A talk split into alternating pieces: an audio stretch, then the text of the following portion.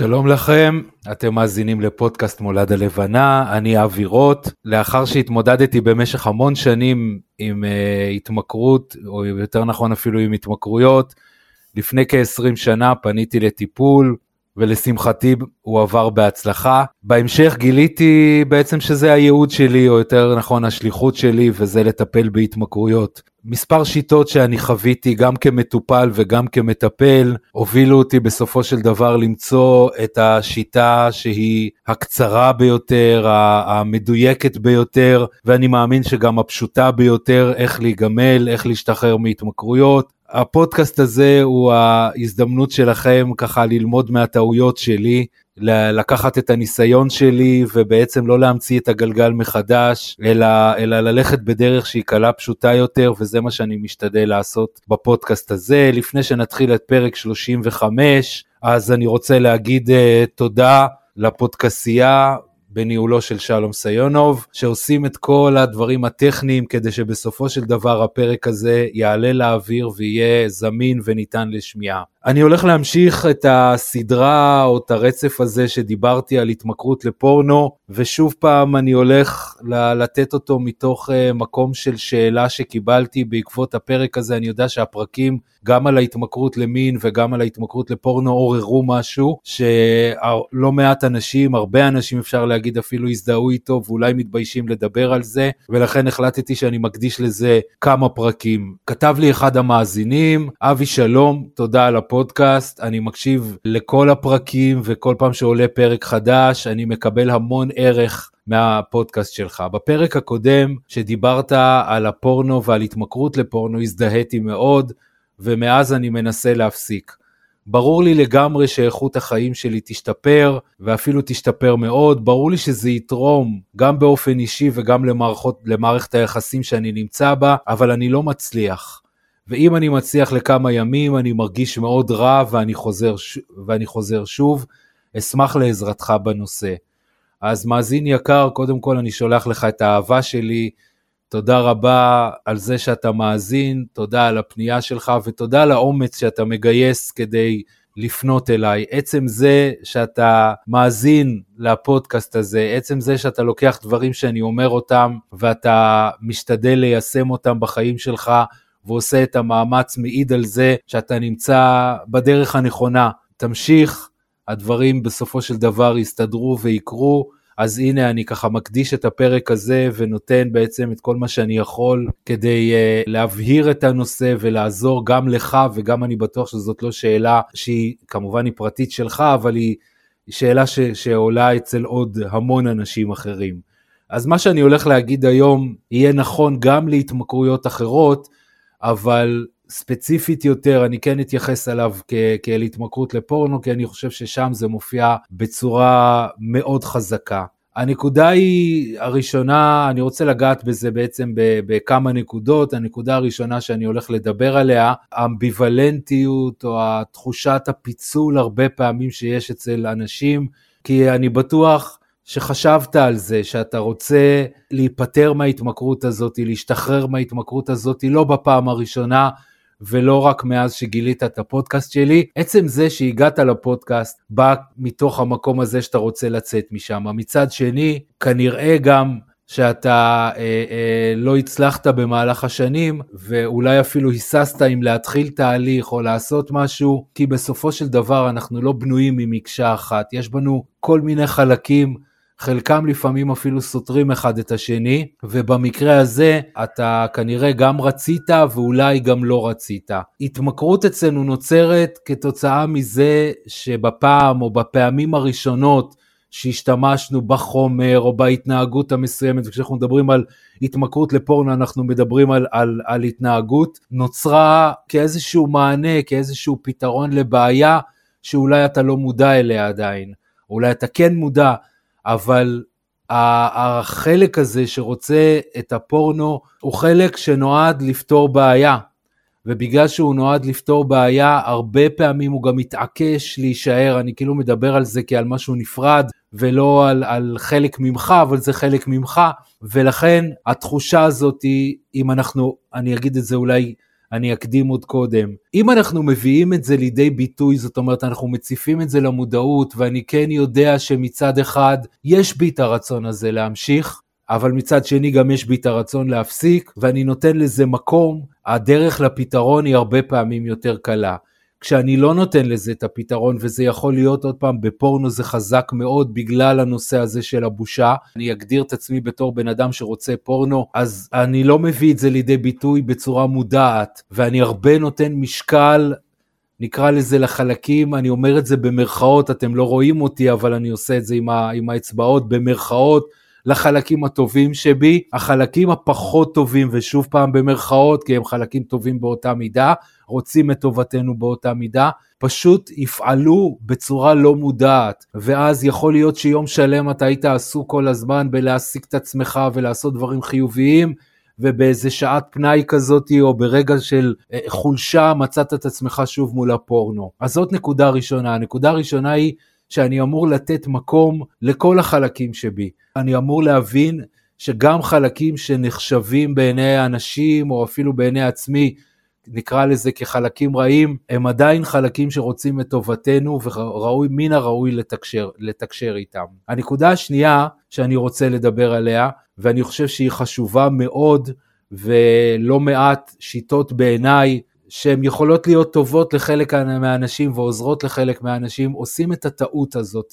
וזה כשאתה מסתכל על, ה, על ההתנהגות הזאת, במקרה הזה אנחנו מדברים על צפייה בפורנו, צריכה של תכנים של פורנו, ואתה מודע לזה עד כמה זה פוגע לך במוטיבציה להתקדם בחיים, עד כמה זה פוגע לך במערכות יחסים, עד כמה זה פוגע לך בביטחון העצמי אפילו.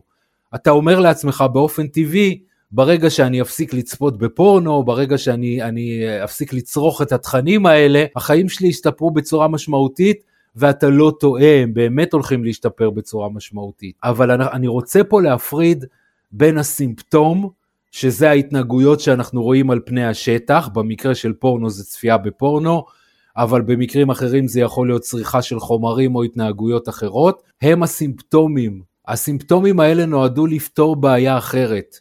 הבעיה הזאת היא הרבה יותר שורשית, היא הרבה יותר בעיית ליבה פנימית, זה יכול להיות בעיה של ביטחון עצמי, של אמונות מגבילות שאתה סוחב איתך, או של טראומות או דברים לא נעימים שאנשים עברו בחיים שלהם. כאשר אנחנו פונים ישירות אל הסימפטום, אנחנו יכולים ליצור אחד משני דברים. קודם כל, חוסר הצלחה כמו שאתה מתאר, זאת אומרת, בגלל שאתה הולך לפתור כרגע את הסימפטום, אבל הבעיה תישאר, המוח שלך או תת המודע שלך שמכוות כרגע למצוא את הפתרון לבעיה ומכיר לצערו רק פתרון אחד, יחזור חזרה, או לצערך יותר נכון, יחזור חזרה שוב ושוב ושוב לאותו פתרון שהוא מכיר.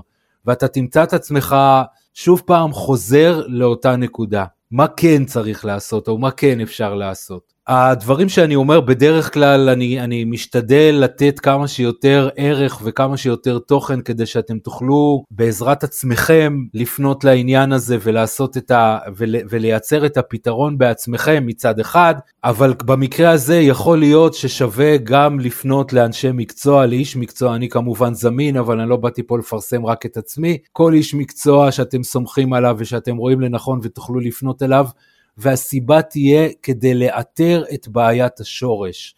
שוב פעם, בעיית השורש יכולה להיות טראומה, יכולה להיות אמונה שאנחנו סוחבים איתה במהלך השנים, כמו אני לא בסדר, אני לא מספיק טוב, אני לא מספיק שווה, אני לא שווה, כל מיני אה, אמונות כאלה שהן משותפות להמון אנשים, אבל ברגע שהן מכבידות מאוד ואנחנו מחפשים להם פתרון, אז אנחנו uh, בגיל צעיר יחסית, כשלא היה לנו מגוון של פתרונות, ואולי במקרה צפינו בפורנו, וזה פתר את הבעיה, פתאום הרגשנו טוב, פתאום לא הרגשנו את הבעיה ואולי אפילו מצאנו את הפתרון. אני אתן את זה בדוגמה בהמשך הפרק, ממש מתוך מקרה שהיה אצלי בקליניקה, זה אחד מתוך רבים, אבל כשהכנתי את הפרק המקרה הזה צף אצלי בצורה מאוד חזקה ו- וברורה ואני רוצה להביא אותו כאן. כאשר אתה תפתור את, הבע... את בעיית השורש, כאשר תעבוד על האמונות שלך המקבילות ותחליף אותן באמונות שמקדמות אותך, כי בסופו של דבר זה לא האמת, זה שאתה שווה או לא שווה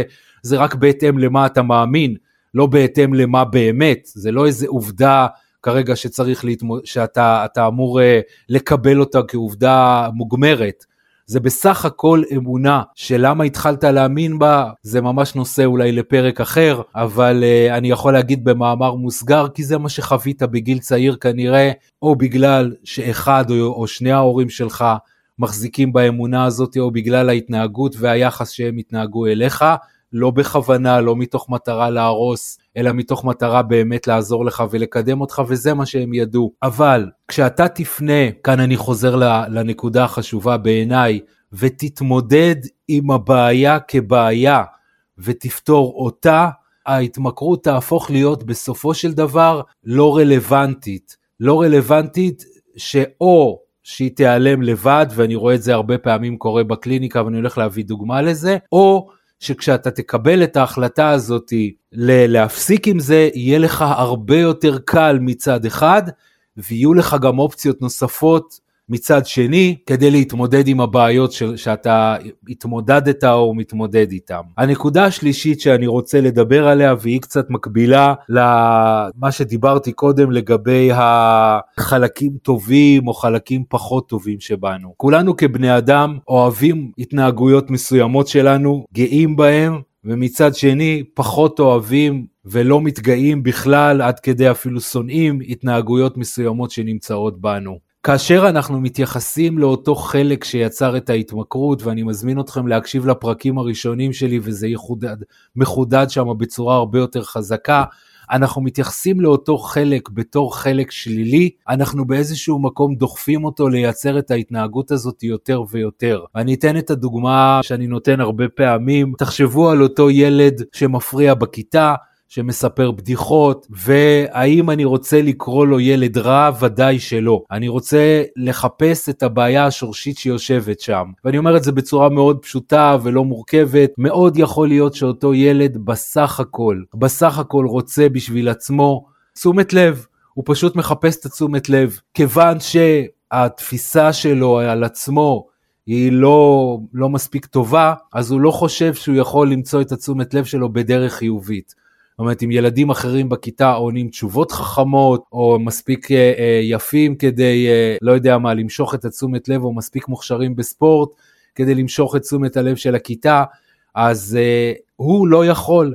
והדרך היחידה שנוצרה לו, אולי במקרה, אולי פעם הוא זרק משהו בכיתה, ו- ופתאום הכיתה נעצרה וצחקה, והמורה הפסיק ונתן לו אפילו עונש, ובחיווט שלו הפנימי או בתפיסה הפנימית נוצרה כאן איזושהי למידה שאם אני רוצה להשיג תשומת לב, הדרך היחידה שבה אני יכול להשיג תשומת לב היא דרך זה שאני אמשיך להפריע ואמשיך לספר בדיחות בכיתה. הוא לא רוצה את זה, הוא לא רוצה את המחירים שהוא משלם והוא משלם מחירים בשביל זה, המורה מוציא אותו, מעניש אותו, הכיתה תופסת אותו הרבה פעמים בתור ליצן, בתור בן אדם לא רציני, הוא היה מאוד רוצה לבחור לעצמו זהות אחרת ודמות אחרת, אבל זה מה שהוא מכיר וזה מה שהוא יודע. מה יקרה עכשיו אם המורה יפנה אליו בצורה שלילית, וזה הרבה פעמים מה שעלול לקרות, וידבר עליו כאל ילד רע, ולא יודע, יעניש אותו, יוציא אותו מהכיתה. אנחנו מכירים את זה, ההתנהגות הזאת היא לא רק שהיא לא תפסיק, היא תהפוך להיות הרבה יותר חזקה. אנחנו רוצים להפריד בין ההתנהגות של אותו ילד לבין הכוונה החיובית שעומדת מאחוריה. גם להתמכרות יש כוונה חיובית. יש לה כוונה חיובית בזה שהיא יצרה פתרון עבורנו. אם לא הייתה לה כוונה חיובית, ואם היא לא הייתה יוצרת פתרון מועיל, היא כנראה הייתה נכחדת מזמן.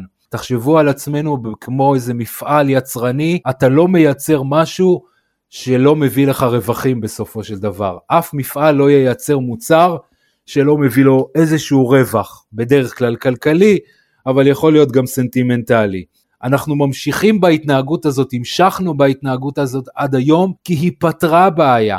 כי עומדת מאחוריה כוונה חיובית, והכוונה חיובית היא כמובן פתרון הבעיה. אם אנחנו נתייחס אל החלק הזה בתור משהו שלילי, אנחנו בעצם מעכבים את יכולת פתרון הבעיה.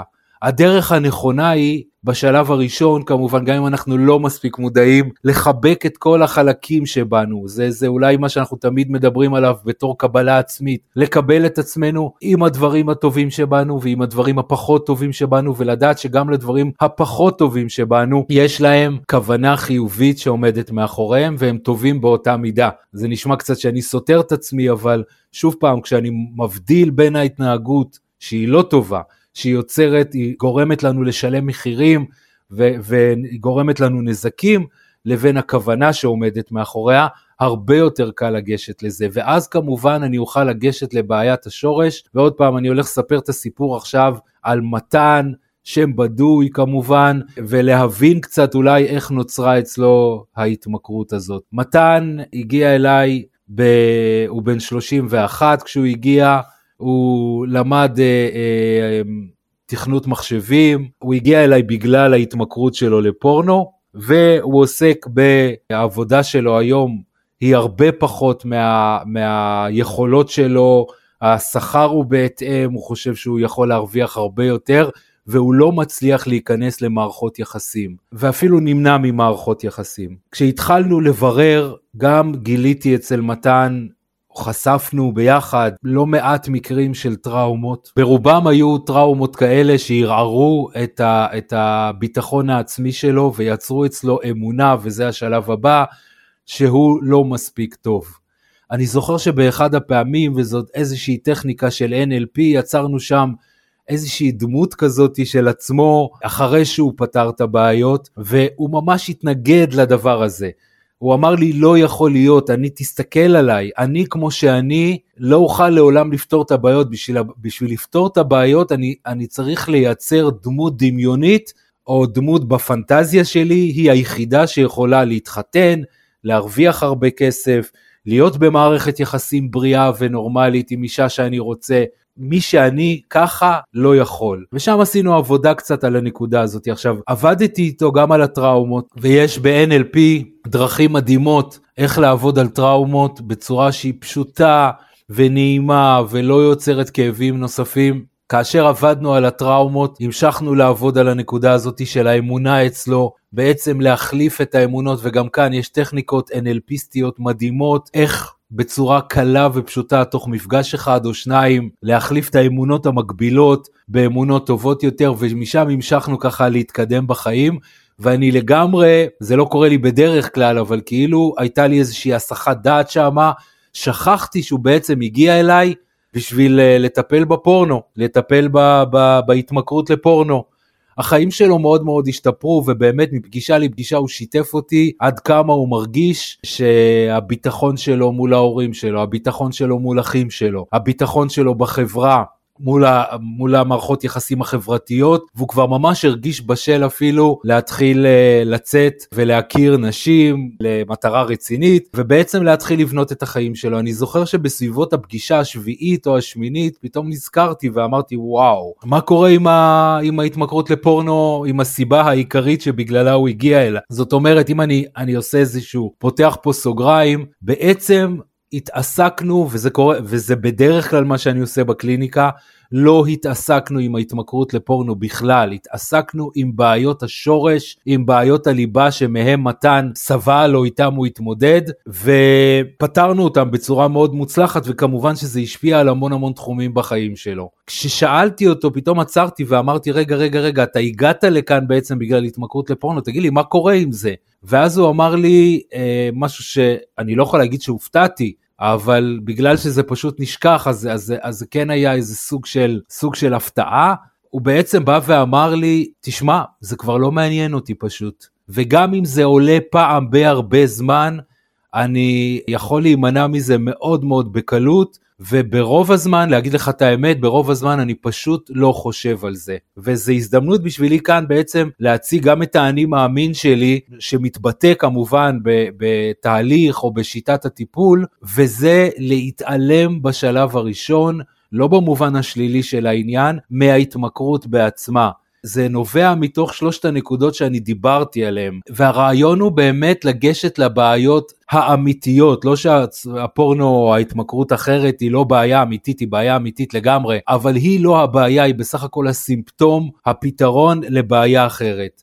וכשאני לא נלחם ישירות מול ההתמכרות כרגע, כי אנחנו יודעים שדבר שאנחנו נלחמים בו, הרבה פעמים מופיע בצורה הרבה יותר חזקה, תחשבו על אותו ילד בכיתה, כשנלחמים בזה, הוא, הוא מפריע עוד יותר, ומגביר רק את ההפרעות שלו. כאן אני הולך בעצם לבעיה ואני הולך לפתור לאותו ילד בכיתה את התשומת לב, את בעיית התשומת לב. בוא, אני אתן לך תשומת לב, אתה בתמורה תהיה מוכן לשחרר את ההתנהגות. אותו דבר קורה כאן. כאשר אני פונה ישירות אל השורש של הבעיה, וזה חלק שאני מביא אותו איתי לתהליך, מתוך כמובן המון המון ניסיון במשך השנים, המון ידע וכמובן הניסיון האישי והפרטי שלי בתהליך, אני פונה אל הבעיה השורשית, אל שורש הבעיה.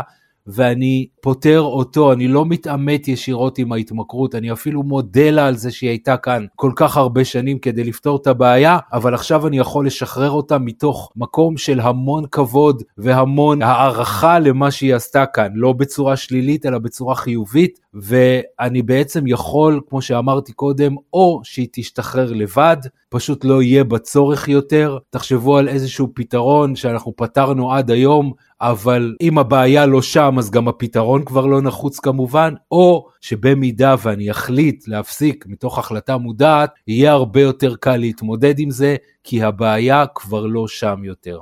אז אנחנו שוב מתקרבים לסיום של הפרק הנוכחי. אני רוצה להגיד לכם תודה רבה.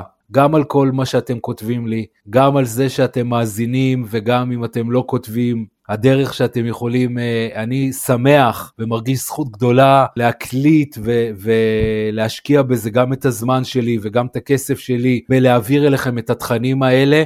אני אשמח שאם בא לכם ואם נוח לכם לגמול לי ככה בחזרה, כמובן במידה ואתם מרגישים שאתם מקבלים תרומה וערך מהפרקים שלי, אז הדרך שלכם היא באמת להצטרף כמנויים, לא משנה באיזה פלטפורמה אתם מאזינים, לעשות subscribe.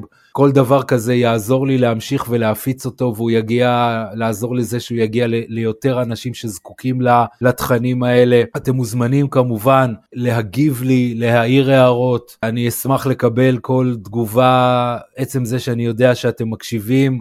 עוזר לי מאוד כל פעם שאני מתיישב. אתם יכולים לפנות אליי לכל שאלה, לכל התייעצות, כמובן, אם אתם מעוניינים לפנות לתהליך טיפולי, אז אני כאן בשבילכם, גם דרך הוואטסאפ שלי, גם דרך דף הפייסבוק שלי. את שניהם אני ארשום בתיאור התוכן של הפרק, אז כל תשובה מכם, כל תגובה מכם מתקבלת עם המון אהבה, אני משתדל בהקדם כמה שאני יכול לחזור אליכם, בין אם זה דרך כתיבה ובין אם זה בטלפון אם ביקשתם. תודה לכם, תודה לכם, בזכותכם אני עושה את זה, בשבילכם אני עושה את זה. הגעתם עד כאן, האזנתם לפרק, מגיע לכם תודה על זה. מגיע לכם תודו לעצמכם גם על זה שאתם עושים דברים על מנת שהחיים שלכם יהיו טובים יותר בהמשך. ואנחנו נתראה בפרק הבא.